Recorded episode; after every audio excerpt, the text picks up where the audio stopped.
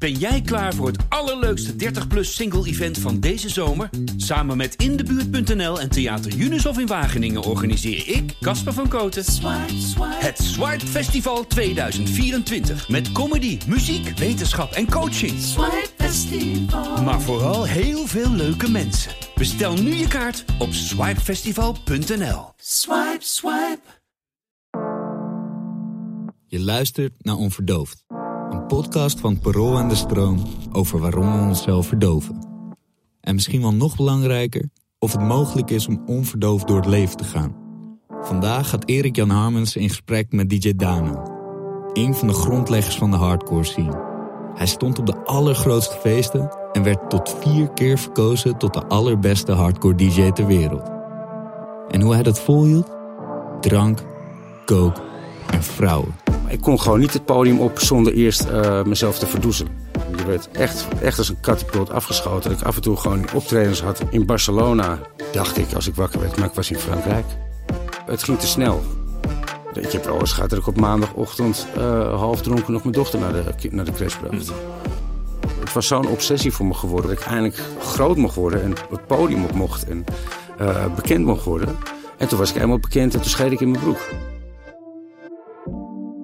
Tegenover mij zit DJ Dano. Hallo. Daniel Leeflang, roepnaam Daan. Ja. Je bent van 29 januari 1970. Dat maakt jou een half jaar ouder dan ik. Ah, dankjewel. Ja. Dat wou ik net horen. Ik weet niet of het complimenten... uh, grappig is, overal waar je naartoe belt vraagt ze wat, uh, wat zijn geboortedatum is. Ja, waarom moet iedereen weten hoe oud ik ben, weet je? Je kan niet meer liegen om mijn leeftijd helaas. Maar, nee, nee. Uh, nee, ik ga het om onverdoofd door het leven te gaan. In mijn geval vanaf 1 januari dit jaar voor mm, 35% ja. En toch zijn er wel een paar uitgeleiders hier en daar. En uh, dat is dan vooral nog wat uh, drankprobleem. Mm -hmm. Ik heb uh, in de jaren dat ik al ja, heel veel een grote verslaving heb gehad... waar ik eigenlijk al 30 jaar mee bezig ben, toen ik ermee begon om er ook mee te stoppen. Maar door verschillende redenen het nooit heb kunnen doen voor mijn eigen gedachten en mijn ideeën die ik, die ik had. En angsten. Maar de coke is, uh, ja, is gewoon echt klaar. En uh, ik heb alleen af en toe nog dat ik, dat ik het lekker vind om te drinken. En uh, zoals laatst met Ajax tegen Bergamo. Dat ik denk van, nou, dan haal ik even lekker een paar biertjes. En mijn meisje, die was, die was weg. Die was even met een vriendin lekker op pad. En dan gaat er vier biertjes in. Maar door de corona kan je om acht uur geen drank meer halen. Dus toen dacht ik, Nee. godverdomme. Maar gelukkig hebben we nog een fles wijn staan. Terwijl ik weet na al die jaren dat, je niet, uh, dat ik niet moet mixen. Ik ben een mixer van beroep, maar dat soort dingen moet ik niet mixen. Wijn naar bier is op zich. Ja, dat, dat, dat is voor Mhm. mij gewoon geen, uh, geen optie. Ja.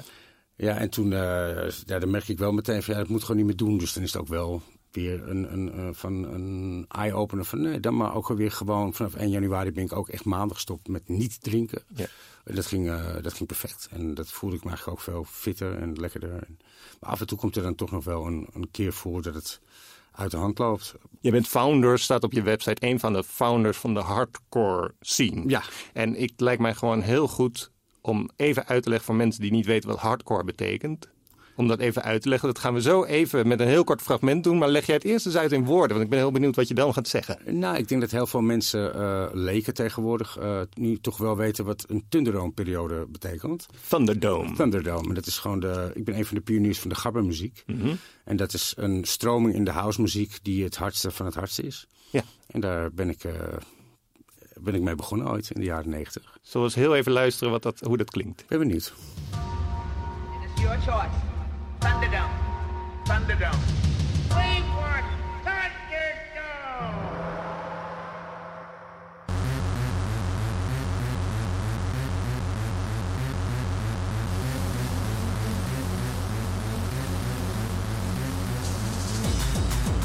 Nou, ik hoop dat je nog luisteraars hebt.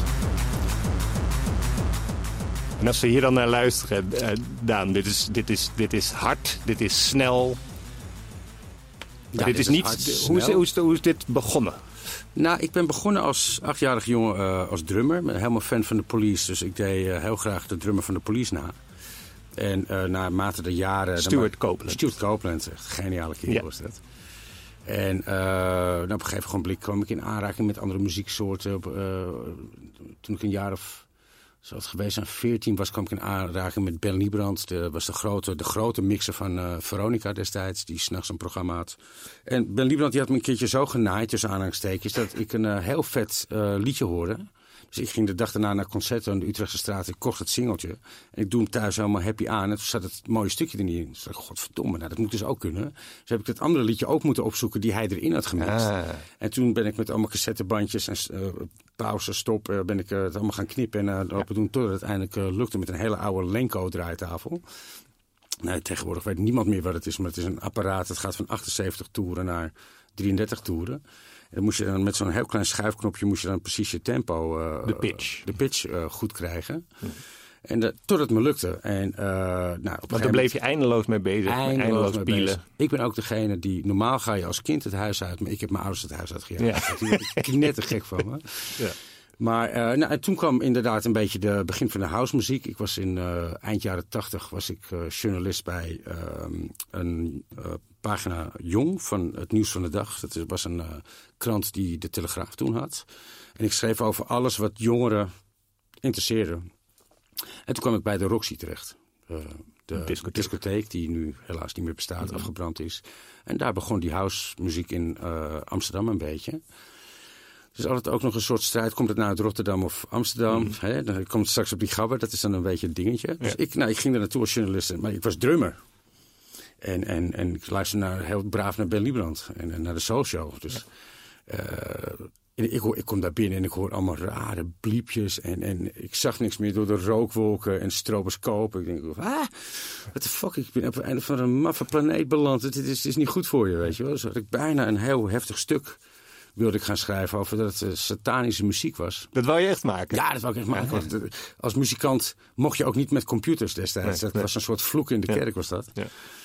En, uh, maar goed, ik, ik, dacht toch, ja, maar wacht, dat kan ik wel doen. Maar er gaan niet voor niks zoveel mensen staan er helemaal uit hun dak, uh, uit hun dak te gaan. Laat ik nou toch nog eens een keertje teruggaan.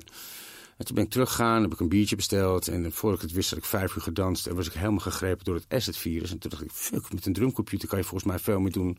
dan met je handen op een echt drumstel. Voelde je je gepasseerd? Nou, in het begin dus wel. Uh -huh. uh, maar daarna dacht ik, uh. dit moet ik ook kunnen. Dus toen heb ik meteen zo'n asset-apparaatje van Roland aangeschaft. De Roland 303. En, Roland is zo'n drumcomputer. En, en, en, de drumcomputer. Ook, maar ze hadden ook een baseline computertje... die al die backup, backup, backup geluidjes maakte. En toen aangesloten, vriend van me opgebeld, Dylan Hermelijn, waar ik de allereerste platen mee uh, heb gemaakt, begin jaren negentig. En toen konden we ook ineens die muziek maken. Wat, uh... Maar goed, ik, ik hield van experimenteren, want dan kom ik nu terug op je vraag. Ja. Uiteindelijk, tien minuten verder mag ja, gaat lekker. het was voor mij een soort van.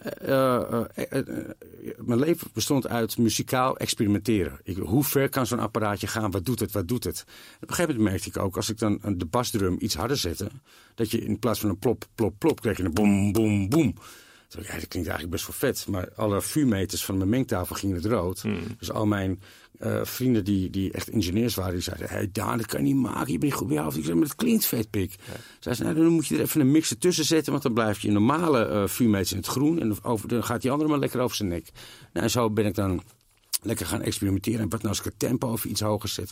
Hé, dat klinkt eigenlijk best wel vet. Nu is het liedje veel energieker dan dan uh, hoe ik het ooit begonnen ben. En dat heette toen nog geen gabber, maar het werd wel al zo van... het is harder dan wat andere mensen doen. Ja. En, en, en uh, dat werd op een gegeven moment door IDT werd dat opgepakt. Die, die hebben de Final Exam gegeven in 1992. Dat was het eerste echte grote feest okay. voor 13.000 man. Ja. En daarna zijn ze begonnen met Tundero. Maar toen waren wij met uh, inmiddels al veel meer collega's, ook uit Rotterdam, zo elkaar aan het uitdagen van hey, hoe hard kan je gaan en wat, uh, wat klinkt nog meer over zijn nek en vetter dan wat jij doet. En toen uh, was de hardcore de gabber ontstaan. En waarom wou je harder? Ja, die energie vond ik heerlijk. Maar dat was ook de tijd dat ik ook echt begon met snuiven. En uh, dan is het ook lekker. Gewoon heb drie dagen wakker blijven. En toen ik ook bij uh, uh, al die cd's moest maken voor Thunderdome... was het gewoon op woensdag werd je gebeld. En op vrijdag moest je drie liedjes af hebben. Ja. Dus dan belde ik als eerste mijn dealer. En dan sloot ik me gewoon op in mijn studio. En dan ging gewoon helemaal los. Want stonden die dingen, waren die dingen verbonden met elkaar?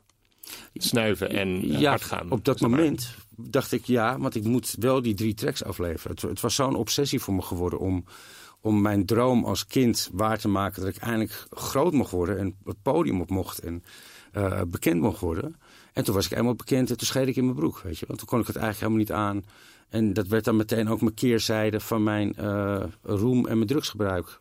En mijn drankgebruik. Zo eerst dat eerste element er eens uitpakken, dat je zei eindelijk mocht ik groot worden. Als, als muzikant, als DJ. Ja, maar daarmee ook als mens. Ja, maar wat ik dus heel eng vond, is dat mensen me niet meer zagen als mens, maar, maar, maar ze gingen me verafgoden. En uh, ik hoorde het uh, Rico ook zeggen in, uh, in, jouw interview. Dat dat in de eerder aflevering. In de eerder aflevering ja. van je podcast. Ja. Van, van, je hoort het leuk te vinden dat iemand zegt: hey, vette CD, man. Ja. Alleen het was voor mij van: ja, ja, ik schrok er een beetje van. En ik kon toen niet uitleggen waarom. Ik had zoiets van: hey, jij werkt in de bouw. Jij bent degene die mijn straat heeft gelegd. Zit de hele dag op je knieën. En dan ben ik beter dan jij. Fuck off. Dus ik kon, ik kon die die hele beroemdheid, dat mensen je, omdat je muziek maakt, ja. kon ik eigenlijk ook helemaal niet aan. En, maar, maar goed, je, ik zat inmiddels zo in die molen en werd als een katapult afgeschoten. Omdat ineens zaten we in Barcelona, in, in Australië, als je 22 jaar Maar wat kon je er nou niet aan aan? Want het is toch heel leuk om op een verhoging te staan als een soort uh, god. En, en dat iedereen uit zijn dak gaat op wat jij met je, met je knoppen doet, zeg maar. En dat mensen het fantastisch vinden. Je zou zeggen, dat is toch Hosanna? Dat besef ik nu. Ja.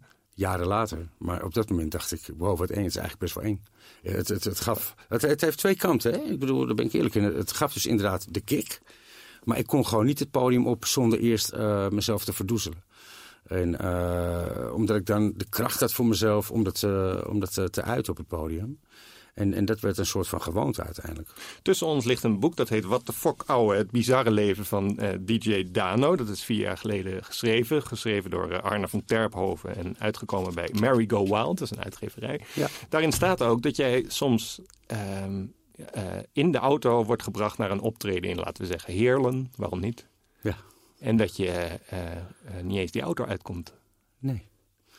Nee. Dus je treedt gewoon niet op. Je rijdt dan linea recta weer terug naar Amsterdam. Ja, dat deed ik liever, ja. omdat ik dan zo wasted was. Ik had zoveel de tijd in de auto om, uh, om uh, te veel te gebruiken.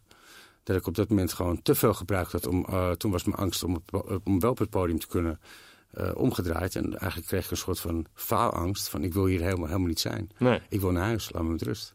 En wat is er dan misgegaan tussen die jongen die, net als Ben Liebrand... Uh, uh, aan de pitch zat van zijn, uh, van zijn draaitafel. En de man die die auto niet meer uitkwam. Wat is daar dan. Waar is het verkeerd gegaan? ik denk dat het gewoon te snel ging. Ik was 19. En ik had eerst gewoon een, een, hele leuke avond, één keer in de maand in de Matzo in Amsterdam. Een kleine club, die ook helaas niet meer bestaat. bestaat. Maar dat was nog allemaal te overzien. Maar door die hele Thunderdome-periode, het was ineens zo'n roes. En je werd echt, echt als een katapult afgeschoten. Dat ik af en toe gewoon optredens had in, in Barcelona, dacht ik, als ik wakker werd. Maar ik was in Frankrijk. Uh -huh. het, het, ik wist gewoon niet meer, het ging te snel. Begin wat ik... Maar het lijkt alsof je daar zelf geen invloed op had. Nee, dat, uh, omdat ik ook juist alles weer wilde meemaken. In plaats van uh, ergens nee op zeggen. Dat, uh, dat wilde ik ook weer niet. Want ik, ik, dat was mijn droom als jongetje. Dus ik moest dan ook alles uh, meemaken. Maar het ging gewoon op dat moment te snel. En had iemand, um, had iemand kunnen zeggen, Daan, ik pak je even bij je arm of bij je schouder. Laten we even gaan zitten. Dit gaat niet goed. Nee, op dat moment niet. Nee, de, de moeder, ik heb een dochter van 27 en inmiddels een zoontje van 6.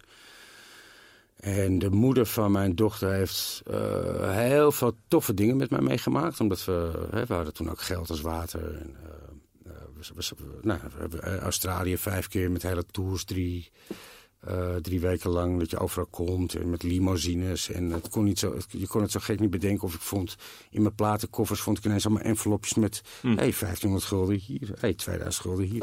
Nou, kom, dan gaan we weer een vakantie boeken, schat. Ik neem meteen mijn ouders mee. Ja. Weet je, maar... Um, dus dat was de leuke kant van het verhaal. Maar uh, door mijn drugsgebruik werd ik ook uh, af en toe gewoon heel nasty. En, oh, niet alleen verbaal, maar ook gewoon fysiek. Omdat ik dan zo met mezelf in de knoop zat dat ik eigenlijk te snel ging in mijn hoofd. Dat ik dat uh, op die manier ook weer heel naar uit. Ik ben wel 15 jaar met die vrouw geweest, dat mm -hmm. weer wel. Maar ik voelde me ook zo eenzaam. in, in, in dat beroep. want ik was, gewoon, ik was van donderdagavond tot en met zondag was ik weg. Ja of door heel Nederland of over de hele wereld. En je gaat maar van hotel naar hotel naar hotel in je eentje. En ik ben, ik ben een oude knuffelaar en ik, en ik, ik hou wel van een beetje vrijen. Dus op een gegeven moment begon ik ook hoeren te bellen. En eh, weet je, omdat ik gewoon eenzaam was. Nou, ik kan je vertellen, het is niet verstandig in een relatie om dat te doen. Nee. Dus, eh, maar goed, toen was het al te laat. Eh, en en ik ben gigantisch op mijn bek gegaan. Toen ik een aanvaring had met de Belastingdienst in eh, 1996. Omdat ik dacht, na drie jaar eh, professioneel eh, bezig te zijn en gewoon lekker geld verdienen. Heb ik de Belastingdienst opgebeld. Heb ik gezegd, hé hey jongens, met Daan Leeflang. ik ben DJ. Toen zei hij nog zo, wat is dat? Ik zeg, nou, ik uitleggen wat ik deed. En uh, nou ja, ik, ik, verdien geld en ik ben blij dat mijn oma naar een verzorgingstehuis mag binnenkort. En dat mijn lantaarnpaal voor mijn deur brandt. Dus moet ik niet eens wat belasting gaan betalen. En op dat moment ging ik net met de moeder van mijn dochter een huis kopen in Huizen. Ik mocht het oude huis van mijn ouders voor een redelijke prijs overkopen. En... Um, uh, dus die, ik word opgebeld door, uh, door de Belastingdienst, word ik teruggebeld. Ja, u heeft een afspraak met meneer Tax. Ik maak geen grapje, die man heet echt zo. Ja. Die komt binnenkort... Zo ken ik een uh, dokter-dokter. Oké, okay. ja, maar die dat komt binnenkort bij u langs. ja. Nou ja, gewoon gezellig, toch? Ja. Maar op dit moment was ik net mijn, mijn, nieuwe studio aan het bouwen. En een studio was echt niet goed, goedkoop. Uh, je had een sampler. Nou, heel veel mensen weten ook niet meer wat het is. Maar het is een apparaat waar je stukjes uit andere plaatjes kan, kan lenen. En helemaal verbouwen hoe jij het wil. Maar die kostte toen 13.000 gulden. Tegenwoordig is dat ding volgens mij nog geen eens 5 euro meer waard. Hm. Als het al niet meteen bij de trash wordt, uh, wordt geflikkerd. Maar zo had ik een studio van anderhalve ton. En ik werkte ook destijds in een platenwinkel. Dus ik had ook anderhalve ton aan platen. Dus meneer Taxi komt binnen. Ik zeg, wil je koffie? Had ik nooit, achteraf nooit moeten geven die, aan die rotzak. Mm -hmm. uh, had hij nooit verdiend. Maar die, uh, die kwam binnen. Die, begint, die loopt naar mijn studio. Die zegt, nou oké, okay, je hebt anderhalve ton aan platen. Heb je een bonnetje? Ik zeg, nee, nee het is een hobby van me. Ik, dat probeer ik nu te vertellen aan je. Ah, oké. Okay. Nou, dat is jammer. Uh, dan krijg je 20.000 gulden boete. Ik zeg, waarom dan? Hij zegt, nou, voor hetzelfde geld heb je die plaat voor 1500 gulden gekocht van een collega. Dus ik moet proof hebben dat je het echt zo uh, hebt uitgegeven. Ik zeg, nee, maar het is een hobby. Toen moest hij dus mijn studio nog in. Toen begon hij ook mijn studio uit te rekenen. En voor ik het wist had ik uh, alleen aan boetes 80.000 gulden aan boetes. En kwam ik op 3,5 ton schuld. Mm. Nou, toen werd gewoon uh, muzikaal, werd gewoon mijn kop eraf gechopt. Toen had ik ook echt nul inspiratie. En toen, toen voelde mijn carrière ook echt wel even als, als over. En toen, dus wat ik wil zeggen, ik was een rijke junk. Yeah. Dus ik kon dat betalen. En toen had ik ineens niks meer. Maar mijn verslaving was er nog. Dus, wat voelde beter? Een rijke junk of een arme junk? Nou, dan kan je beter wat, wat geld hebben. Maar uh, aan de andere kant is het ook alweer, vind ik, een soort van uh, pas op de plaats geweest. Want als ik nog langer was doorgegaan, vraag ik me of, of ik de 50 wel gehaald had. Want waar bestond jouw uh, uh, dagelijkse menu zo'n beetje uit? Nou, ik, ik, kon, ik kon ook echt wel heel braaf zijn. Uh, want ik, ik had ook een kind. En, en, en die had weer uit een andere relatie ook een broer. Waar ik voor zorgde, 15 jaar lang. Dus ik moest ook wel vader zijn. Ik had mijn studio aan huis. Dus door de week van maandag tot en met uh, donderdag was ik gewoon de huisvader. En stond ik met zo bracht ik ze naar school. Ik ze leren fietsen, leren blindtypen en dat soort shit allemaal. Gebruikte je niks? Op die dagen, min of meer? Mm, min of meer. Mm. Dat was ook wel mijn rustmoment, omdat ik vanaf donderdag tot en met zondag aan het knallen was. Ja. En ik heb wel eens gehad dat ik op maandagochtend uh, half dronken nog mijn dochter naar de, naar de crash bracht. Mm. Maar in principe was tot en met donderdag hield je je koest? Hield ik me. Hield ik en me. verheugde je je dan op het moment dat je los mocht? Achteraf wel, ja. Ja? Alleen op dat moment voel je dat niet zo. Nee. Maar op dat moment zit je toch wel, uh, zonder dat je door hebt met je handen te tikken op de tafel. Is dat donderdag, is dat donderdag, mag ik weer. Ja. En, en, en, en is het dan, mag ik weer draaien? Of is het, mag ik weer gebruiken? Beide. Op dat moment is het uh, heerlijk dat je gewoon je brood kan verdienen. Dat is juist die tweestrijd jaren in mijn hoofd geweest. Ja. Dat wilde ik als kind, maar ik kon het niet aan. Dus, als ik er eenmaal stond, graag. Maar ik had het wel altijd nodig om te kunnen doen. En dus, dan even van, als je dan losging, zodat mensen even toch weten waar we het over hebben. Wat, wat nam je dan? Oh, ik ben, ik ben, dat zei Rico ook. Als je, als, je iets, als je iets lekker vindt, dan doe je, doe je het all the way. Dus met ecstasy was het gewoon... Uh, uh, ik nam er twaalf en nog eentje voor het slapen gaan. Nou, probeer eens zo'n dag te beschrijven. Dus stel dat je op vrijdag... Vrijdag. Uh, of nou, dat is donderdag. Donderdag, donderdag. Je moet, het is donderdag en je het moet weekend gaan, gaat beginnen. Het weekend gaat beginnen. Dan ga ik even kijken hoeveel feest ik heb. Dan bel ik de dealer op. Dan zeg ik, nou, ik heb eh, zes feesten dit weekend. eh, allemaal in Nederland. Eh, dus doe maar eh, 10 gram. 10 gram. 10 gram. Dat bestel je dan. Dat bestel je dan. En als ik dan nog meer nodig heb, dan hoor je me, hoor je me weer. Ja. Maar dat was dan mijn, mijn begin, stash. En dan ging ik op pad. Ja. En vaak belde ik hem ook nog een keer. Mhm. Omdat het zo snel opging. Dat, en ik, ik, ik ben ook... En neem je dat dan gewoon steeds, zeg maar, zo als je een rol pepermunt hebt, dat je steeds een pepermuntje neemt, nam jij dan steeds, of hoe werkt dat? Ja, het, het was meestal na 20 minuten, half uur zakte het weg. En dan wilde je toch weer die upper hebben. Zo snel zakt dat weg, dat effect. Ja, wat dat betreft kan je beter eh, speed gebruiken als je hem toch wil gebruiken. Want het blijft wat langer hangen en dat is een stuk goedkoper. Ja. Ehm, maar eh, ja, ik wilde steeds in die, in die high zitten.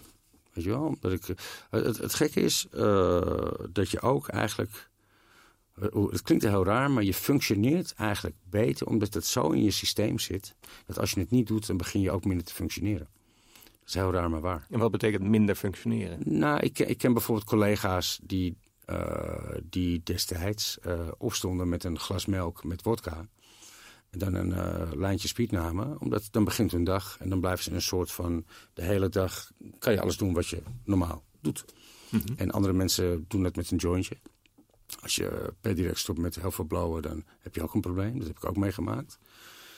Dat was gewoon echt. eh, toen heb ik echt beseft dat blauwe gewoon echt ook een soort harddruk is. Ik heb gewoon twee weken lopen zweten, de meest bizarre dromen gehad. En bij wijze van spreken, bij elke droom werd ik ontvoerd en eh, ik noem maar wat. Angstdromen dus. Ja, angstdromen, omdat ik, omdat ik stopte, maar ik moest wel stoppen. En, en zo heb ik ook eh, LSD gebruikt. Eh, dat was eh, om de dag, omdat ik gewoon.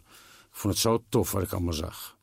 Dat wilde ik iedere keer maar weer meemaken. Maar ik nam dan wel steeds een dag rust om, ehm, om even tot rust te komen. Dan was de dag daarna. Maar dat hou je ook niet langer dan drie, vier maanden vol. Nee. Dat je dan beseft, nou, dit gaat niet de goede kant op. Want ik begin nu dingen te zien eh, die mijn kamer in komen vliegen die helemaal niet bestaan, weet je wel. Dus, En als je zegt van.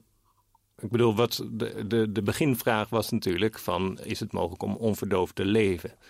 Ehm, nou, misschien is dit al meteen een leuk moment om daar eens antwoord op te geven. Had je toen onverdoofd al die Thunderdome dingen... al die concerten, al die parties over de hele wereld kunnen doen? nee. Waarom niet? Dat vind, ik, echt- dat vind ik echt een goede vraag. Ik denk dat het er zo ingeslopen is. Dat ik eh, op een gegeven moment gewoon de connectie maakte met als ik het podium op moet, moet ik dat ook op hebben. Want anders eh, kan ik niet waar ik goed in ben. Maar Weet je wel? is dat ook zo? Nou, achteraf dus niet. Ik bedoel, dat besef ik me nu pas. Nu ik, eh, nu ik wel gewoon echt eh, clean kan zijn. Eh, alleen, ik heb toen ook dingen gemaakt. eh, bijvoorbeeld met LSD. En als je dat dan terugluistert, denk je: man, man, man, man, man. Weet je, dat had je beter nuchter kunnen maken. Alleen, ik was op dat moment was ik gewoon. Want wat hoor je dan? Is het afgeraffeld of... eh, wat, wat- nee, wat ja, het duurde juist allemaal veel te lang. Oh, ja, ja, ik zat er allemaal, ik ging er veel te diep in, weet je wel. Eh, Terwijl een liedje, ik, ik, mijn beste liedjes heb ik gemaakt binnen, binnen drie uur of zo. Hm. Omdat ik dan gewoon die, die vibe had en eh, eh, me gewoon zo kon expressen dat ik gewoon alles vloepte eruit wat ik dacht. Want muziek maken is ook een soort van praten met mensen. En, eh, althans voor mij. En, Ook, die, die, de, ook de, de, de gabbermuziek is praten met mensen. Nee, maar ik, ik maakte ook bijvoorbeeld als ik verliefd was op, me, de moeder van me, wat ik, wat ik was, 15 jaar lang, maakte ik ook een heel mooi liefdesliedje. Zonder die... Zonder die hardcore beat. Ja. Dat was gewoon een soort van ambient, Oh ja. love-achtige Ja. eh, liedje. En dat vond ze heel mooi dat ik dat voor haar maakte. En, en, en dat had je nuchter kunnen maken. Ja, en ja, dat heb ik ook wel gedaan. Maar het, het is gewoon een, een feit dat eh, in mijn systeem zat gewoon... we moeten weer rossen, we moeten weer beuken... we moeten vier dagen achter elkaar scherp blijven. Ja. Dat ik het associeerde met gebruik. Ja. En, en, en, en nu besef ik me pas zoals die boys zoals eh, eh, Armin van Buren en, en de Marnix... of de, hoe het, de, de boys van nu... die hebben een appel en een peer bij zich. En het is gewoon topsport. Alleen op dat moment heb ik dat niet zo gezien. En wat denk je dan als je die jongens van nu ziet, of meisjes, eh, eh, maar eh, die zie je dan met, met de schijf van vijf, zeg maar, Ja, heel gezond, ja. afgetraind. Dan denk ik, had ik dat ook maar eens gedaan. Ja? Ja. Ja. Dan had ik, ik... Ik bedoel, ik heb ook gewoon echt fouten daardoor gemaakt. door vreemd te gaan. Eh, dat had ik niet gedaan als ik, eh, als ik eh, zoveel gebruikt had. Omdat, maar ook omdat ik me zo eenzaam begon te voelen. Ja. ben ik dat soort rare bokkensprongen gaan maken. En, ehm, en, en dan, dan ben je al bezig om, om te stoppen, omdat je dat wil je gewoon niet. Maar dan ben je al zo verslaafd dat je, dat je niet meer kan stoppen. En op een gegeven moment heb je. eh, Kun je dat uitleggen aan iemand die niet verslaafd is? Want ik, bedoel, ik heb ook heel lang gedronken, dus ik weet wel een beetje wat, wat, hoe, hoe dat werkt. ja, Maar zullen we het dus uitleggen van je wil stoppen, maar je wil niet stoppen? Toch? Dat is een beetje het principe. Eh, je, wil inderdaad stoppen omdat je die fout niet meer wil maken van eh, met vreemd gaan en zo. Hè? Omdat je toch echt ook wel om iemand geeft. En je wil helemaal niet die nasty motherfucker zijn die je op dat moment gewoon bent. Alleen in mijn geval denk ik, ik weet niet hoe het bij jou was, eh, was het gewoon, het zat zo in mijn systeem. Dat probeer die, die switch maar te maken in je hoofd. Weet je wel? Het is, eh, ik, ik heb nu nog één verslaving waar ik graag van af wil, en dat is roken. Maar ik ben echt voor mezelf nu aan het, aan het zoeken eh, op welk moment ik dat moet doen. Ik sta nu stil als DJ met die coronatijd. Dus ik ben al een soort van eh, shit, wat doe, ik, wat doe ik thuis? In plaats van dat ik lekker eh, bezig ben en mensen blij maak. Dus als ik nu ga stoppen, dan ga ik het echt heel zwaar krijgen, denk ik. Maar eh, ik ben. Mag, oké, mag ik een voorbeeld geven hoe, het, hoe het voor mij. mijn vorige relatie met de moeder van mijn zoontje, daar ben ik uh, notabene vorig jaar nog mee getrouwd. Dat wilde ik eigenlijk helemaal niet, maar ik, ik ben een soort van omgeluld van het is beter voor de kinderen als een van ons iets overkomt. Toen zei ik nog met mijn botte kop, nou prima, dan, eh, dan eh, gaan we 's ochtends gratis trouwen, dan kan ik 's middags nog naar mijn werk. Nou, dus dat hebben we bijna zo gedaan. Alleen zijn we toch nog met de familie wezen eten en zo eh, op het strand. Hartstikke gezellig en noem maar op. En toen kwam het feestbeest weer bij me naar boven. Zo van, nou, laten we dan toch in oktober ook nog maar een feestje geven.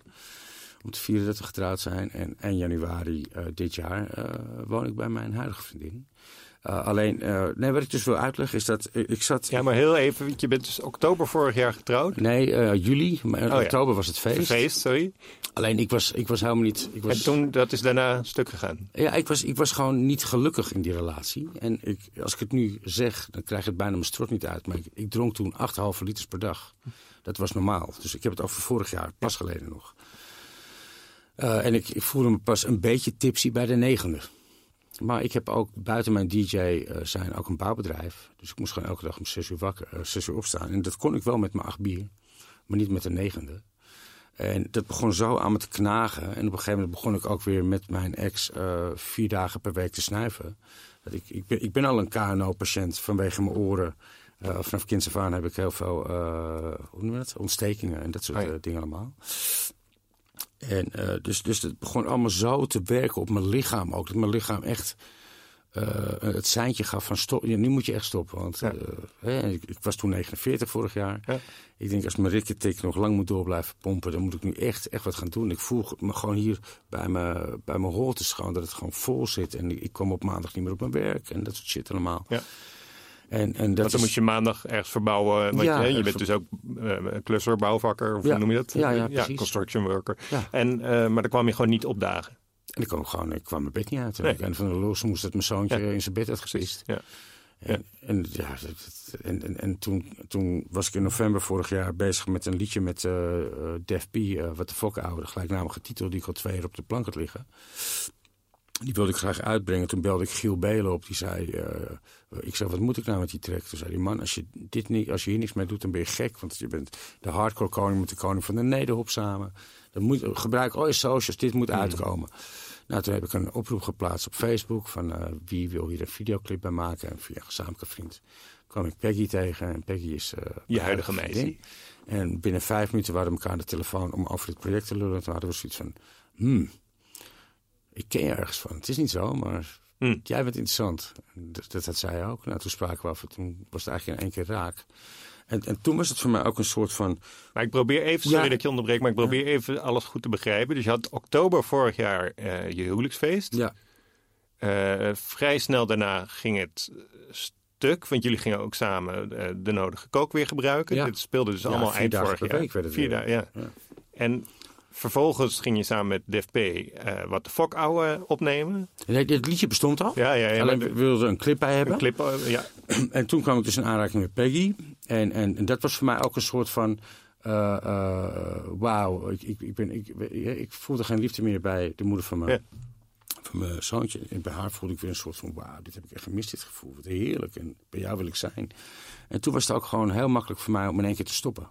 Dat wou ik vragen. Ja, toen, toen was het echt zo van, dat was blijkbaar voor mij, eh, omdat ik zo met mezelf in de knoop begon te zitten en alles deed pijn. En dat mijn lichaam zei, je moet echt nu kappen. Maar wat gebeurt er als jij stopt met kooksnuiven? Als ik stop met kook gebruiken, ik, ik, ik heb me in tijd niet zo goed gevoeld, man. Ga je dan niet helemaal klappertanden en eh, dat soort dingen? het, het was echt het moment dat mijn lichaam aangaf... als je het nu niet doet, dan, eh, dan gaat het niet goed met je. Hm. Dus ik, ik heb ook geen seconde meer het gevoel gehad... van ik moet ooit nog een keer een snuifje nemen. Nee. En dat is heerlijk. Ik heb alleen af en toe nog wel dat ik mijn biertje wil drinken. En, en dan ook nog eens, wel eens dat ik eh, eh, dan te veel drink. En, dan, en dan, dan gaat het niet goed. Vooral met mixen. Want wat is het verschil voor jou tussen het geen kook meer gebruiken en geen drank meer gebruiken? Eh, nou, ik ben een stuk fitter nu. Ik, voel, ik, ik, ik, ik, ik heb echt weer energie om heel veel dingen aan te pakken. Mhm. Eh, ik ben ook met heel veel muziekprojecten nu bezig. En, eh, en ik, ik, ik, ik drink ook echt niet veel meer. Hoor. Be- Begrijp me echt alsjeblieft niet verkeerd. Maar als ik het dan doe, dan doe ik het ook wel meteen weer goed. En, ehm, maar dan weet ik ook de dag daarna meteen weer van... ja, doe nou niet, want ik ben meteen weer back af. En ik, ik heb eh, gewoon drie dagen de tijd om, nodig om weer Hmm. bij te tanken, zeg maar. Mijn energie weer terug te krijgen. Dus, dus het is niet zo belangrijk meer. Maar heb je enig idee, want je hebt zo te horen dan nu een superleuke vriendin en eh, je hebt een geweldige carrière en eh, waarom je dan eh, niet onverdoofd kunt leven? Helemaal geen druppel meer bedoel je? Nou ja, het is, er zit geen oordeel in. Het is gewoon een vraag, snap je? Van, je Ja. zegt van, ik, ik, dat zei je aan het begin van het gesprek ook, van ik, ik af en toe een scheve schaats, et cetera. Ja. Waar, waar zit je strijd? Ja, mis- misschien is het toch nog een, een soort van eh, dat je af en toe terugvalt in je oude habits. Weet je wel? Het is, eh, het is heel makkelijk om het te doen. En eh, nogmaals, als ik tot december, eind december vorig jaar nog elke dag 8,5 liters dronk. Dan vind, ik, vind ik het nu nog knap waar ik, waar ik mee bezig ben. Alleen het voelt voor mij echt als het staartje waar ik nog aan moet werken. En het wil niet zeggen dat ik nooit meer een druppel drink, want daar vind ik het gewoon echt te lekker voor. Hm. Ik moet alleen gewoon echt nooit meer mixen. Twee drankjes door elkaar is voor mij gewoon niet goed. Als ik gewoon nu één of twee biertjes kan drinken, dan zeg ik, hoeft ook niet echt niet meer elke dag. Maar kun jij één of twee biertjes drinken en dan een kopje kamillethee eh ja, inschenken? dat heb ik dus echt de eerste paar maanden van dit jaar gewoon gedaan. En dat voelde fantastisch. Ja, dat, eh, en, en, en dat gevoel moest ik weer even terugkrijgen. Van, eh, dat, was, dat was inderdaad hoe ik me eigenlijk wil voelen. Want als ik dan... eh, Want leg eens uit wat dat is. Als je zegt, dat, was, dat is wat ik wil voelen. Gewoon die energie weer. Gewoon, ik Ja. wil heel veel dingen doen. En ik heb zoveel gebruikt in mijn leven... dat mijn lichaam ook gewoon een soort van moe is ervan. Weet je wel? Dat, eh, Dat voel je. dat voel ik echt. Ik bedoel, ik, ik- gelukkig maar, want ik, ik, ecstasy heb ik echt al jaren niet meer gedaan. Blow heb ik nooit meer. Ik heb keer volgens mij zes jaar geleden met mijn dochter nog een ijsje eh, van, van haar joint eh, gerookt. En het, het was vijf minuten lachen en daarna viel geslapen. Eh, dus dat, dat, zijn we ook gepasseerd. En LSD vind ik te eng. Eh, ik kook hoeft voor mij niet meer, want ik, ik vergeet niet meer hoe mijn KNO-gebied eh, zich voelde. Ik was ook de laatste anderhalf jaar, als ik opstond, was ik aan het kokhalsen bij de, bij de Gootsteen. Weet je wel? Dus mijn lichaam gaf gewoon echt aan het is nu klaar. En, en, en dat gevoel overheerst nu en dat vind ik heel prettig. Maar ik, ik weet niet of ik nooit meer eh, geen enkele druppel meer zou drinken. Dat, dat, dat- ik ben bang dat ik dan juist tegen mezelf lieg. Ja. Waarover? Eh, als ik zeg ik stop nu altijd Ja, met eh, gewoon nu helemaal geen druppel meer. Ik ben juist bang dat ik dan tegen mezelf lieg. Ik, ik, Maar ik ben zo benieuwd naar het verhaal naar jezelf toe. Want ik, ik bedoel, van mij vanzelfsprekend alles doen wat je maar wil. Weet je? Er zit geen enkele morris in, als je begrijpt wat ik bedoel. Maar Ik ben gewoon benieuwd van wat zou je zelf dan willen? Ehm, nou, dat je gewoon heel af en toe de, eh, gewoon wel een biertje of twee drinkt. Ja. Eén of twee. En wat, Bijvoorbeeld als je Ajax aan het kijken bent. Weet je, met, met vrienden. want wat levert je dat op? Nou, gewoon, dat is, ik vind de smaak heel lekker. En, en, en, en ja, ik, vind, ik vind het gewoon lekker. Het, is, het, het kan net zo lekker zijn als het ene kopje thee wat je drinkt. Ja. Weet je wel? Ik, eh, En wat is dan wat je soms ertoe brengt om over die klif te gaan en dan eh, veel te gaan drinken? De allerlaatste keer kan ik, dat kan ik wel zeggen. Eh, ik heb twee voorbeelden, als ik zo het twee Ja, mag noemen. ja. Weet ik niet. 28 augustus had ik, eh, eind- had ik eindelijk weer een boeking voor een fan van mij in Kampen. En eh, ook weer goed betaald ook. Dus ik, nou, tof. Want ik ben eigenlijk niet zo van wat heel veel collega's van me doen nu in deze coronaperiode. Dat ze maar op elk tuinfeest voor 30 man staan te draaien om er maar te zijn.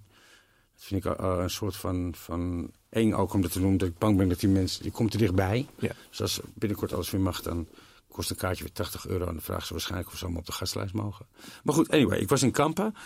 En ehm, eh, ik had gewoon lekker mijn biertje. Ik zat er helemaal lekker in. En, en hij heeft zijn zoon naar mij vernoemd. Die, eh, die heet ook Dano. En die, die mocht met mij meedraaien. Super tof allemaal. En op een gegeven moment zegt hij van, wil je een glaasje whisky? Want ik ben 40 geworden en deze is 40 jaar gerijpt. Ik zeg, nee, ik hoef geen whisky, man. En hij stopt ook een pakje kook in mijn zak. Nou, die kon ik meteen terugleggen. Wat doe je dan? Die leg je dan meteen Ja, terug? die, die, daar had ik geen moeite mee. En ik zei ook van, nee, ik hoef die whisky niet, want ik weet dat ik er niet tegen kan. Ja. Ah, man, kom op nou, gezellig. eh, En dus om, om hem te pleasen, heb ik toch dat eh, glaasje whisky opgedronken. En eh, ik weet gewoon werkelijk niks meer van de terugreis. Ik heb thuis tennis lopen maken over de meest bizarre dingen. Jaloerse eh, eh, dingen lopen spuien tegen mijn vriendin. Die helemaal nergens op slaan. Maar ik weet dus helemaal op god niet meer wat ik gedaan heb. En ik ben gewoon eh, anderhalf dag laveloos geweest. Van hoeveel glaasjes 40 jaar oude whisky dan? Van één glas. Eén glas? Eén glas. Maar gewoon het mixen met mijn biertjes. Dat, dat is bij mij zoiets dat mijn hersens op slot gaan. Zo. Ja, bizar. En dus daarom weet ik ook dat ik dat niet meer moet doen. Eh, en de afgelopen keer, dat is... ehm eh, 11 september heb ik een auto-ongeluk gehad. Ben ik eh, op de A10 met eh, een behoorlijke snelheid aangereden. En dat is trouwens een verhaal, joh. Dat, maar goed, anyway. Eh, maar goed, eh, ik heb vier weken... Nou, wat gebeurde er? Ik bedoel, jij reed gewoon la la di la la. Ik reed op de rechterbaan met mijn zoontje. Ja. En eh, mijn afslag op 106 om naar de Overtoom te gaan was afgesloten omdat ze met stoplichten bezig waren. Hmm. En ik, ik rijd ongeveer 15 meter naast mijn afslag om de volgende te nemen. Ik zie iedereen ineens voor me best wel hard remmen. Dus uit een soort automatisme stuur ik mijn stuur naar de vluchtstrook. En ik kijk op dat moment in mijn achteruitkijkspiegel. En ik zie een bestelbusje met een rotgang op me afkomen. En dat eh, volgende moment word, word ik op mijn linkerzijkant wakker, want de auto was omgekiept. Eh, met mijn zoon bovenop me. Jezus. En eh, het wordt nog gekker. Hè? En ik, ik kijk uit het raam en ik zie twee van die hele brede, eh, in groene, gemaskerde politiemannen op me afrennen met half getrokken pistolen.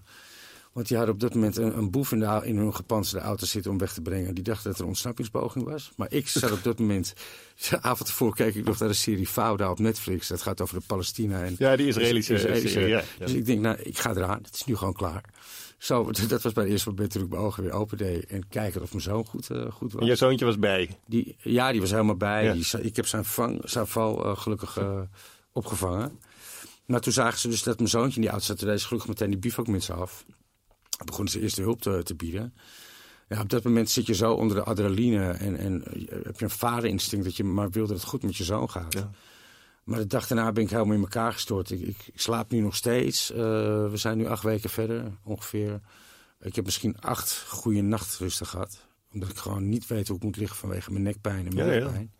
En de laatste keer werd ik dus... eh, ik had het ook even heel druk met een vinyl-release die uitkomt binnenkort die dag.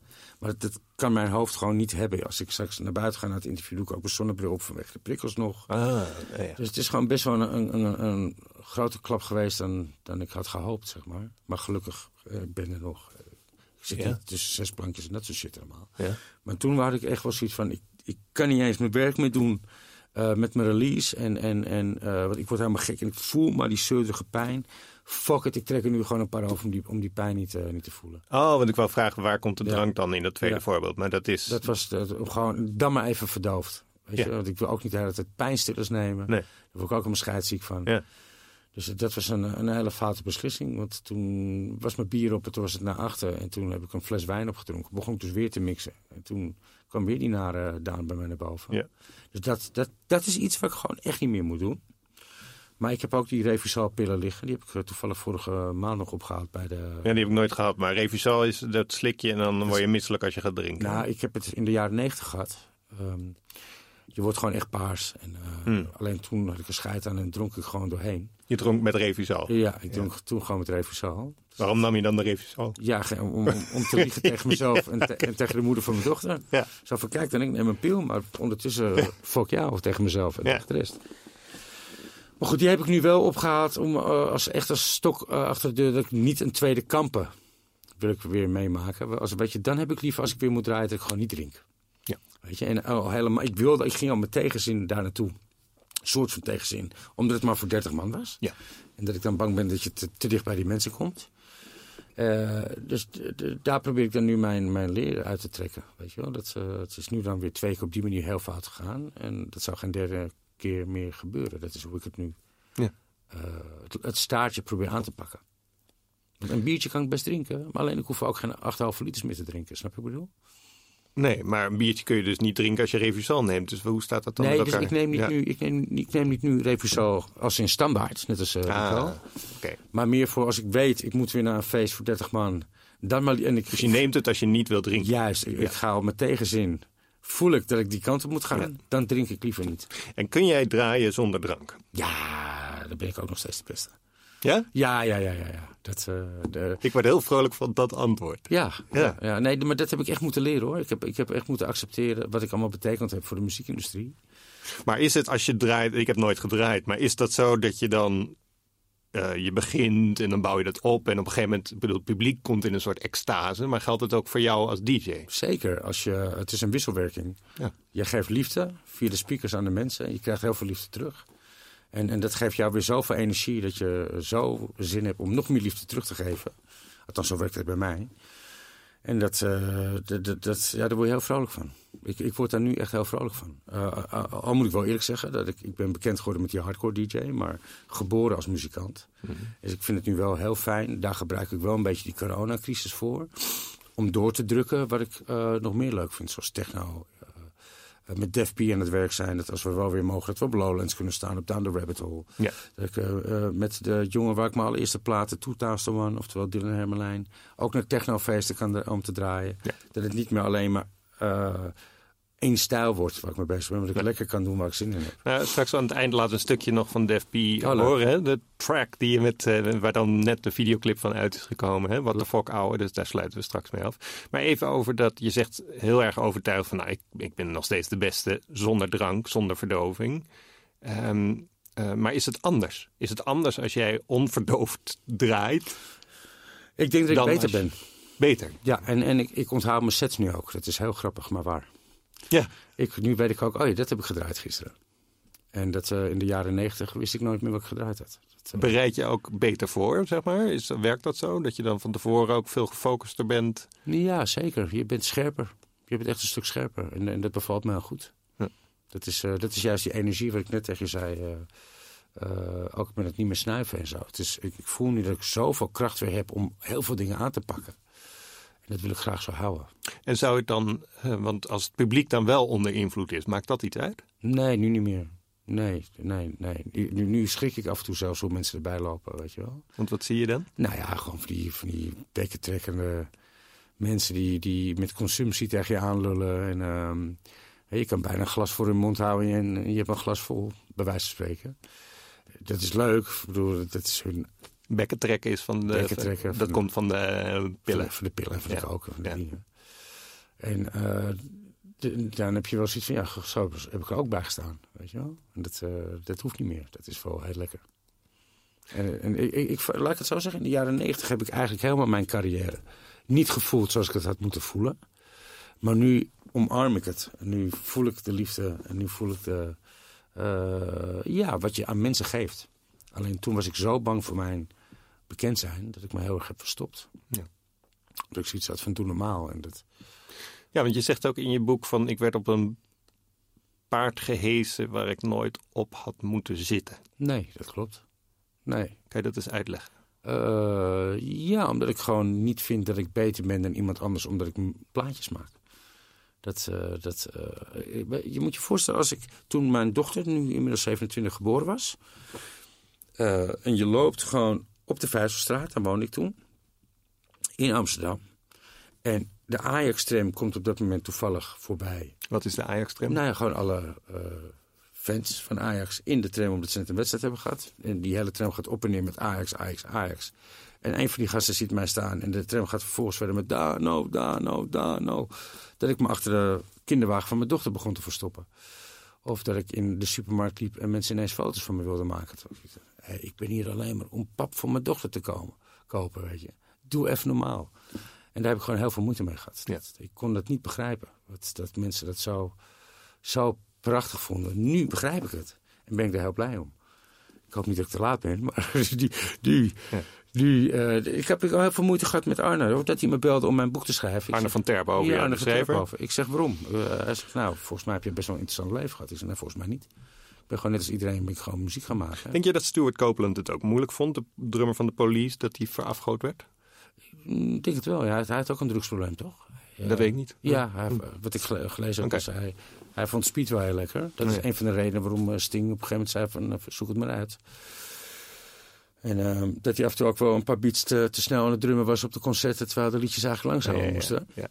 Maar dat is ook wel weer een ander kaliber dan ik meegemaakt heb. Mm. Hè? Dat, eh, die werken wel met een heel managementteam. Ja, wij waren echt pioniers. En, en eh, een, disc, een was toen gewoon de pratende DJ op de radio in de begin jaren negentig. En dat waren niet wat wij deden. Dus wij hebben het wiel echt opnieuw moeten uitvinden wat dat betreft. Je ziet natuurlijk ook voorbeelden van jonge DJ's nu die ook zo eenzaam door het leven gaan. Eh, Kan jij namen noemen? Nou ja, hoe heet die Zweedse jongen die toen uit het leven is oh, ja, maar, maar die, die jongen snap ik heel goed. Hoe heet die ook Eh, weer? Ik heb een beetje blackout. Ja, eh, Avicii bedoel jij? Avicii, dank je. Avicii snap ik dus ook heel goed, omdat ehm, eh, hij is net als ik een geboren muzikant. En hij wilde eigenlijk helemaal het podium niet op. Dus die jongen die had je gewoon echt gewoon lekker in zijn studiootje moeten, moeten laten zitten. En niet helemaal opgehyped worden van... bij die mengtafel hoort ook een gezicht. Eh, dan had hij zich, eh, denk ik, eh, dan was hij waarschijnlijk nog, had hij nog geleefd. Maar die, die is ook gewoon geleefd door het succes. En en, en, en niet aan kunnen wat mensen vinden dat jij moet doen op dat moment. Weet je wel, want dat kan, dat kan inderdaad ook als je een managementteam hebt. Dat, die stippelen een carrière voor je uit. Maar misschien wil je het wel helemaal niet. Misschien had ik in zijn geval ook wat tegen mijn manager gezegd. Fuck jou, ouwe, ik ga lekker in mijn studio blijven. Breng je uit mij uit en zet er maar een ander gezicht eh, bij. Net als Daft, Daft Punk weten mensen ook niet wie het is. Zet jij maar gewoon een, een, een, een, iemand voor mij in de plaats op het podium. Eh, dat had hij ook. eh, ja, dus dat is waar. Dat, eh, dat kan je ook niet van tevoren zeggen. Dat, eh, Want hoe heb je dan naar die, heb je die documentaire over Avicii gezien? ja, maar goed, die dronk ook, hè. ja, ja. Ja, en dat, dat zie ik aan meer van Buren niet zo snel doen. Nee. Maar hoe heb je dan naar, naar hem zitten kijken, naar Avicii? Dat ik hem wel snap. Ja. Ja, dat ik, dat ik heel goed die eenzaamheid ook snapte. En die is dan uit het leven gestapt. Ja, Jij niet. nee, maar ik heb, ik heb wel momenten gehad dat ik dacht van, eh, wat doe ik hier nog? Dus ik, daarom voel ik hem wel. En wat was je antwoord op de vraag? Wat doe ik hier nog? Eh, eh, ja, ik moet hier zijn, gelukkig. Dat, dat besef, ik- besefte ik me wel. Hij niet meer, maar ik wel. Maar waarom jij wel en hij niet? Weet ik niet. Ik, ik, ik heb toch niet mezelf over het randje willen duwen. Nee. Dat, eh, daar was, was ik te blij voor met wat ik omheen had, denk ik. En wat ik eh, graag nog wil, wil doen in mijn leven. Dat die eh, ehm, meneer Tax van Ja. de Belastingdienst toen kwam. En ik vroeg aan jou van, wat, wat vond je nou fijner dan een rijke junk of een arme junk? Ik zei een beetje half grappend, maar je begrijpt de vraag natuurlijk wel. Vond je het ergens ook eh, prettig om te vallen, als je begrijpt wat ik bedoel? Want daarvoor zat je zeg maar nog in die high, weet je wel. En je, je was een held en de Ajax-tram deinde op en neer. En daar voelde je je niet prettig bij, vertelde je net. Ja. Vond je het makkelijker toen het fout ging? ja, misschien wel. En dan had ik ook weer iets om voor te vechten. Hm. Weet je wel? Van, ik ben weer eh, gezonken. Nou moet ik er weer uitkomen. En, eh, ik, mijn vechtersinstinct moet weer naar boven komen. En, eh, ik moet het nou maar weer, eh, weer zien te rooien en, eh, en op te knappen. Is dat ook waarom je in de bouw werkt? Nee, de bouw is echt eh, puur uit nood gekomen omdat eh, de jaren negentig was lekker verdienen. Maar mijn eh, hardcore periode stortte in 2000 totaal helemaal in. Op een of andere manier. Eh, het jaar daarvoor stond ik nog bij wijze van spreken in een patatzaak in eh Lutjebroek te draaien. En eh, eh, de dag daarna in, in New York. Maar het werd te veel en dat stortte in één keer helemaal in elkaar. Dus toen eh, was mijn geld op. Dat, en dat Want er kwam een nieuwe muziektrend. Mm, Het was toen echt, echt helemaal weg, eventjes. En toen eh, werd het overgenomen door de happy hardcore. Wat we allemaal wel kennen met daar is Gabbertje. Ah, ja. eh, Ja, ja. Nou, dat vond ik echt vreselijk. Ik voelde me eigenlijk een soort van in de maling genomen... met waar ik zo hard voor gewerkt had uh, mijn hele leven. En, ehm, en er, er kwam inderdaad toen een nieuwere stroming hardcore... die ik gewoon niet voelde. Ja, en ik, ik heb toch wel gezien Commerciëler. anders, rauwer. eh, met de, gewoon de, de, het gevoel die ik er aan gaf destijds, voelde ik niet meer. Het was gewoon een beetje op. Maar misschien ook omdat ik in 96 op mijn bek was gegaan met de belasting. Dat ik dacht van, pff, gaan we weer. En ik moet je eerlijk toegeven dat ik, wat ik net vertelde, ik vind het heerlijk dat ik nu ook met Def P bezig ben geweest en dat ik techno dingetjes heb. Het voelt ook een beetje als stilstaan of achteruit lopen als je iedere week maar weer met je platenkoffertje die je al 30 jaar bij je hebt, het podium op moet. Letterlijk zeg je in het boek, en dat beaamde je net nog, van ik werd op een zadel gehezen, zeg Ja. maar, waar ik eigenlijk helemaal niet in had willen zitten. Dan houdt dat op, want dan komt die happy gabber shit en Ja. eh, jij haakt af. Hoe vond je dat dan? Want dan, dan jumpt die Ajax-tram niet meer op en neer als je langs loopt. Nee, dan ga je het missen. Ja, Ja. Dan ga je het gewoon heel erg missen. Denk je, hier klopt het niet. maar hoe moeilijk is dat? Dat is toch, dat is toch niet makkelijk? Het is heel moeilijk. Omdat... eh, Want succes, wat je natuurlijk heel ingewikkeld vond, is natuurlijk, eh, eh, ik bedoel, op het moment dat het ophoudt, is het nog ingewikkelder. Klopt. Alleen ik heb zo'n ehm, eh, stempel op mijn hoofd zitten. Dat ik een van de pioniers ben van de hardcore periode. Daar waar ik heel trots op ben. Nu, ook na mijn boek, heb ik het eindelijk beseft.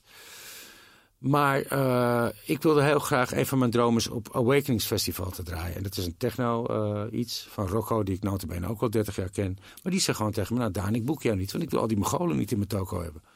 Want jij bent nou eenmaal de hardcore DJ. Al die Mongolen zijn dus de, De met de kale kopjes. Met kale En, kopjes ja. en de, Ja. dus, dus het houdt je ook weer, je roem houdt je dan ook weer tegen om nieuwe dingen te proberen.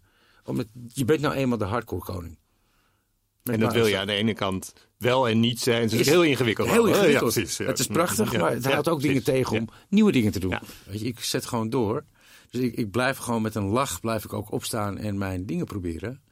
En ik, ik heb er gewoon het volste vertrouwen in dat één van mijn dingen gewoon weer een keertje gaat lukken wat ik heel graag wil.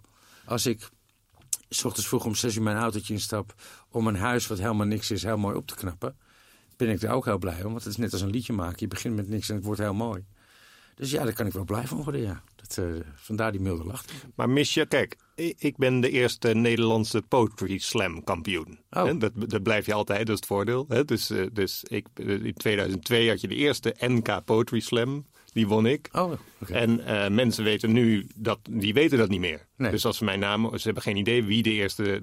En ik ergens, mijn, ergens dat verdomde ego in mij zegt soms van, ja, hallo, ik ben wel de eerste poetry slam. Snap je wat ik bedoel? Ja. Het is heel kinderachtig. Nou, waarom? Nou ja, omdat het zoiets is van eh, dat je gezien wil worden. Dat je, eh, weet je wel, er zijn Maar, nu maar allemaal. dat mag toch ook? Nou ja, dat is Dat mijn besef- vraag. dat Daarom zet ik mezelf nu als joker even Ja. in. Om jou een Ja. beetje meer uit de tent te lokken nog. Van, Ja, maar ik besef me nu dat het mag. Toen, in die tijd, jaren 90, besefte ik niet dat het mocht. Dat vond ik raar. dat wat mocht. Dat je, dat je wat jij was in 2002, dat ik dat in de jaren 90 ben geweest. Ben ik door mijn boek pas gaan beseffen, door Arne. Die heeft me eigenlijk bij mijn lurf gepakt en zo van, denk jij eens even na over wat jij gedaan hebt in het verleden. Het was ook een soort therapie voor mij, dit, dat boek. Ik heb huilend in zijn armen gelegen om alles te vertellen wat er gebeurd is. Omdat ik juist heel veel dingen had weggestopt om me elke ochtend lachend wakker te worden.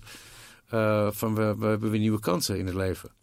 Maar ik heb toen echt, ik heb het heel zwaar gehad, twee jaar lang met het boek. En Arne ook trouwens, want Ja. die voelde zich ook een soort slaaf en slavendrijver door mij. En eh, eh, eigenlijk alles wat hij niet wilde voelen, heb ik, heb ik uit hem getrokken. En dat ik hem ook gewoon midden in de nacht opbelde. Ik stop nu, haal ik de stekker uit het boek. Eh, Maar, maar toen ik klaar was, nu besef ik, het is eigenlijk heel mooi, weet je. Het is, eh, ik, daar mag je best trots op zijn. En dan heb je al die doop ook niet meer voor nodig, weet je. En vind je dat je genoeg erkenning krijgt? Ja, Nu. Ja, mag ik jou een heel gek voorbeeld geven? Vo- Voordat ik hier naartoe eh, kwam, had ik even eh, mijn eh, internet- televisieprovider aan de telefoon. Toevallig de sponsor van mijn voetbalclub. En die, nou, ik zeg zo, ja, ik heb een factuur voor je gehad, 117 euro. maar ik heb het even zwaar. Ik heb eh Tozo gehad en mijn muziek staat stil, want ik kan het podium niet meer op. En die man die blijft heel rustig met me lullen. En die zegt, nou, dan moet je dit even afzeggen. Dan moet je je eredivisie toch maar even afzeggen. Zeg, nou, doe het dan maar. Wat kost het dan per maand? 68 euro. Ik zeg, nou, dat vind ik een heel verschil met 117 euro.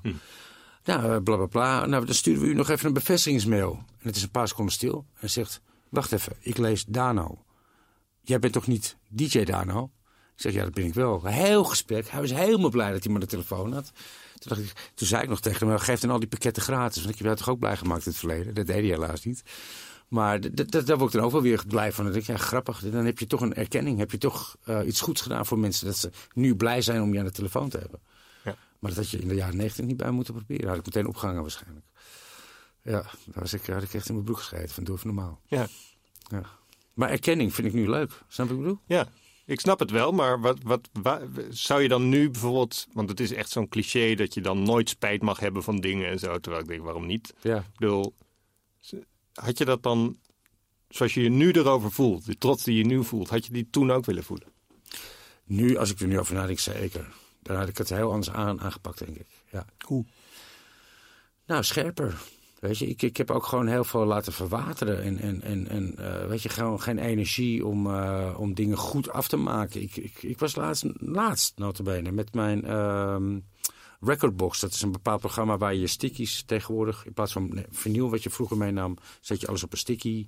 Een soort USB-stick. USB-stick. Ja, en, en, ja. en dan heb je bepaalde apparaten. Dat heet de CDJ's van, eh, van Pioneer, het merk. Vroeger draaiden we op Technics draaitafels, maar tegenwoordig doen we het allemaal met CDJ's. Eh, en toen kwam ik erachter wat een puinhoop mijn muziekfiles in mijn computer zijn. Dat ik gewoon eigenlijk helemaal niet kan vinden wat ik nodig heb voor een avond draaien. Hmm. Dus dat ben ik nu eh, allemaal weer aan het uitzoeken van harddisk A en B en C. Dus ben ik dat nu op één harde schijf aan het zetten. Moet ik alles gaan sorteren, maar nu heb ik er ook echt zin in. Toen had ik zoiets van, ja, als ik maar mijn plaat heb voor vanavond. Maar ik, ik, ik, ik heb ook in het verleden gewoon op een eh, hardcore feest... dat ik ongeluk mijn, mijn technoplaten bij me had. Omdat ik gewoon zo wappie was. Dat ik gewoon maar de eerste beste koffer die naast me Ah, stond had je meenam. de verkeerde muziek bij? Ja, ik gewoon, dus kon, dat soort dingen, weet je wel. Dat, eh, En dan ging je er maar in geloven voor de show, zeg maar, of niet? Of hoe ja, dan je moest ik dat? gewoon mijn collega heel lief aankijken. Van, mag ik alsjeblieft jouw platen Ja, ja, ja. verlenen? Maar dat moet je ook niet te vaak doen. Dat, eh, dat is zijn set. Ja. Dus, En, en die fouten zou ik nooit meer maken. Weet je wel? En ik heb niet echt veel spijt van wat ik gedaan heb. Hoor. Want dat heeft me ook gemaakt wie ik nu ben. Vandaag de dag. Hmm. Eh, Ik had het mezelf alleen wel een stuk makkelijker kunnen maken. als ik gewoon wat eerder op de rem had gedrukt qua drugsgebruik en, en drankgebruik, denk ik. Want dan, en niet zo paniekerig was geweest. Dat, eh, dat, dat weet ik wel zeker. Dat ik, eh, dat ik dan gewoon veel. ook meer geld over had. Weet je wel, dat is ook niet zo raar. Nee. En misschien was ik ook nog wel met de moeder van mijn dochter. Weet je, dat zijn allemaal misschien dingen, dat weet je niet. Maar eh, ja, ik heb wel een boel verneukt ook. Hm. En dat, dat is wel jammer. Dat is wel jammer. Ja. En, ehm, en ben je een andere vader ook? Want je hebt nu zo'n... Mijn dochter zoontje. zegt tegen mij, die zegt tegen mij, ik ben zo blij dat Jari eh, zo'n ander leven heeft dan, dan ik met jou heb gehad. En dat, zo voelt het voor mij ook. Dat klinkt heel hard naar haar toe, maar ja, ik, ben, ik was gewoon van donderdag tot en met zaterdag een hele slechte vader voor haar. En voor Jari, eh, eh, stel dat ik nu wel weer gewoon mag draaien. En hij moet eh, s ochtends om acht uur op het voetbalveld staan op zaterdag. Want ik hoop dat hij mijn pensioen wordt. Dat even terzijde, maar goed. Dan sta ik er gewoon. Ook al slaap ik maar drie uur nu. Weet je, dan maar niet drinken. Dan ben ik er gewoon voor mijn zoon om hem naar voetballen te brengen. Als ik hem er weer bij zijn moeder heb gebracht, dan ga ik gewoon bij naar bed. Hm. Dat, is wel, dat, dat voelt ook fijner. Weet je wel? En dan denk je, eh, denk je wel eens, eh, Anouk, sorry, mijn dochter. Hm. Ik wou dat ik het jou ook gegeven had. Aan, aan de andere kant, weet je, ze heeft ook heel veel mooie dingen meegemaakt. Maar je merkt toch, als, als dingen fout gaan, dan zijn dat vaak toch de dingen die de mensen het meest onthouden. Nou ja, en het is voor Jari fijn dat hij nu jou zo heeft, om het zo te zeggen. Maar het is toch voor Anouk ook fijn dat zij jou nu zo heeft. Zeker, zeker. En mijn kleinkinderen ook. Dat, eh, Je bent opa. ja joh. Ja, dat is af en toe wel raar hoor. Omdat ik nog steeds denk dat ik 28 ben. Maar het is gewoon echt niet meer zo. Nee. Ja, ik ben ook opa. En, eh, maar ik, ik, ja, wat ik zeg, ik voel me gewoon een ander mens nu ook. En dat is fijn om, uh, om dat uh, veel sterker in mijn schoenen. En, maar heb je veel met Anouk gesproken over vroeger en hoe dat toen ging, zeg maar? Dat komt sporadisch, komt dat voor. Ja, dat, soms, soms hebben, hebben we het er nog wel eens over, maar nu overheerst meer van dat ze ziet. ze, ze belt me ook heel vaak op en zegt: Ik ben zo trots op je hoe nu met je gaat. Nou, het is te gek, fijn om te horen, weet je wel. Ja. Dat is ook een goede om dat ook vol te houden. Weet je wel? Dat, uh, Rico zei dat ook in het interview met jou. Dat die hebben eigenlijk de beste vader zijn ja. die er is. En, en, en, en dat wil ik nu uh, ook. En ook naar Anouk toe. Dat, ja. Nou, en Ilja Pfeiffer, die ook in die serie zit ja, die van deze gesprekken. Ja, maar die zei, ik wil de, beste versie van mezelf zijn. Ja, nou, dat is ook mooi. Dat is ook mooi. Ja. En als jij voor zowel Jari als Anouk als je huidige vriendin de beste versie wil zijn. Hoe ziet hij Wat is de beste versie van Dano? Uh, ik, ik, ben, ik, ben, ik ben gewoon echt wel een lieve jongen. Dat, uh, dat is gewoon echt wel een feit. Ja. En, uh, van die jongen houdt ook iedereen. Maar eh, zodra ik dus die rare bokkensprongen ga maken... als ik dus bijvoorbeeld twee soorten drank met elkaar mix... Ja. waar ik dan echt gewoon niks meer van weet... dat is ook wel zo bizar dan ben ik gewoon niet leuk naar, de, naar mijn medemens, naar, mijn geliefde. En, uh, gelukkig is dat hele fysieke geweld bij mij uit mijn systeem. En uh, dan ben ik er wel zo over aan het na. Welk fysieke geweld bedoel je? Nou, ik heb wel geweld gebruikt tegen, tegen exen in mijn, in mijn verleden. Mm. Het stomme is, het klinkt echt heel asociaal. Dat besef ik me ook. Het was onmacht van mezelf. Maar ik uitte het naar degene van wie ik hield. Dus ik kon niet met mezelf meer overweg dat ik het, uh, dat ik het op, op, een, op een hele nare, evil manier uitte. En uh, degene met wie je op dat moment bent, die staat dan voor je. Maar begrijp ik je dan goed als je, dat je dan, als je je geliefde slaat, dat je eigenlijk jezelf slaat? In een way wel, ja. Ja. het, is, het klinkt heel maf en uh, voor heel veel mensen ongelooflijk, maar toch wel, ja. Ja, alleen dat is gelukkig niet uit mijn systeem. Dat, dat, uh, maar zoals de laatste keer ben ik wel heel boos op mezelf. Dat ik denk van waarom pak je in godsnaam die fles wijn, boerenlul? Weet je, doe het nou gewoon niet. En, en, en, als, ik, als ik die gewoon heb, die switch, dan is het klaar. Dan is het gewoon over. Dan ben ik de Daan waar iedereen van houdt. En iedereen, is dat inclusief jezelf? Ja, is inclusief mezelf we sluiten af met wat de fok ouwe. Vertel er iets over voordat we er een stukje van gaan luisteren. Dit is met Def P, de pionier van de nederhop. Jij de pionier van de hardcore. Twee pioniers samen. Ja. Jullie werken samen, hebben jullie vaker gedaan. Ja. Uh, ook in het verleden met uh, een collega dichter van mij dan, Serge Ja. van Duinhoven. Ja, dat weet je. Leuk. Ja, de spooksprekers. Ja, was een mooi project. Ja. Ja. Ehm, wat, wat, wat trekt jullie in elkaar aan als, als co-pioniers? Of is het meer menselijk? Is het gewoon een toffe gast? Beide wel. Uh, Def P is van de Osdorp Possie trouwens. Osdorp? Possie Even voor de mensen hij. die dat niet weten. Ja. Um, nee, we hebben twee jaar geleden om... Uh, mijn laatste psychologe, dat uh, is de zus van zijn vrouw. En uh, toen dacht ik van, hé, hey, maar ik heb met uh, Pascal, zo heet hij echt, Ja. gewerkt um, voor de spooksprekers, wat je net uh, noemt. Zou ik alsjeblieft zijn nummer mogen hebben weer? Want het lijkt me leuk om weer eens wat met hem te doen. En we hebben toen destijds heel lekker samengewerkt. Hij in een ander gedeelte van het project dan ik, maar toch kom je elkaar in de wandelgangen tegen. Hè, was het maar weer zo, klote corona. Sorry, ik was even aan het wegdromen. Mm -hmm. um, maar uh, dus kreeg ik zijn telefoonnummer weer. Ik belde hem op. Hij zei, ja tof man, dat gaan we doen. En ik, volgens mij twee weken daarna kwam hij met twee teksten. Hebben we twee liedjes uh, opgenomen samen. Maar we herkennen jullie iets van elkaar als co-pioniers? Hij pionier, jij pionier? En we voelen elkaar wel goed aan. Ik denk dat muzikaal is het... Uh, we komen niet echt zozeer bij elkaar op de, op de koffie, op de thee... of drinken een biertje Nee. of kijken een voetbalwedstrijdje Nee. samen. Maar het is wel gewoon dat we, elkaar, dat we het heel leuk vinden om met elkaar te werken. Hoop je dan dat dit een succes wordt? Ja. Maar ik vind het, ik, ik vind het al heel leuk dat uh, 27.000 mensen het leuk vinden. En dat Want dat is, is het aantal views. Ja, Maar waar hoop je op? Ja, ik hoop toch wel een keer op een liedje wat gewoon... Uh, ik weet niet waarom.